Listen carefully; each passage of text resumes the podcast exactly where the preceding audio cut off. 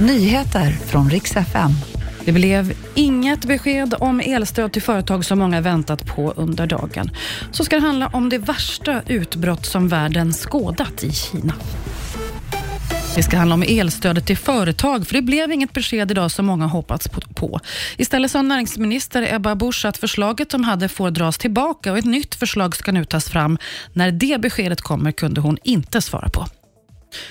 Nya larm från Kina. En miljon människor kan dö i covid nästa år enligt nya beräkningar. 5 000 personer dör varje dag och en miljon om dagen smittas räknar man med. Utbrottet beskrivs som det värsta världen skådat. Och hemma i Sverige kommer samtidigt nya riktlinjer för vaccinering mot covid. Från och med nu så ska personer över 65 eller i riskgrupp ta en dos vaccin varje år. Lite på samma sätt som många gör med influensavaccin. En man i Eskilstuna försökte sig på tricket att smita från polisen i morse och det gick inget vidare. Polisen hann ikapp, sen råkade han backa på polisbilen. Då testade han ett nytt trix, att klättra in i baksätet och låtsas som att det var inte han som körde. Gick inte heller så bra. Polisen stod bredvid och såg allting och nu misstänks han för drograttfylleri och grov olovlig körning. Det var nyheterna. Jag heter Maria Granström.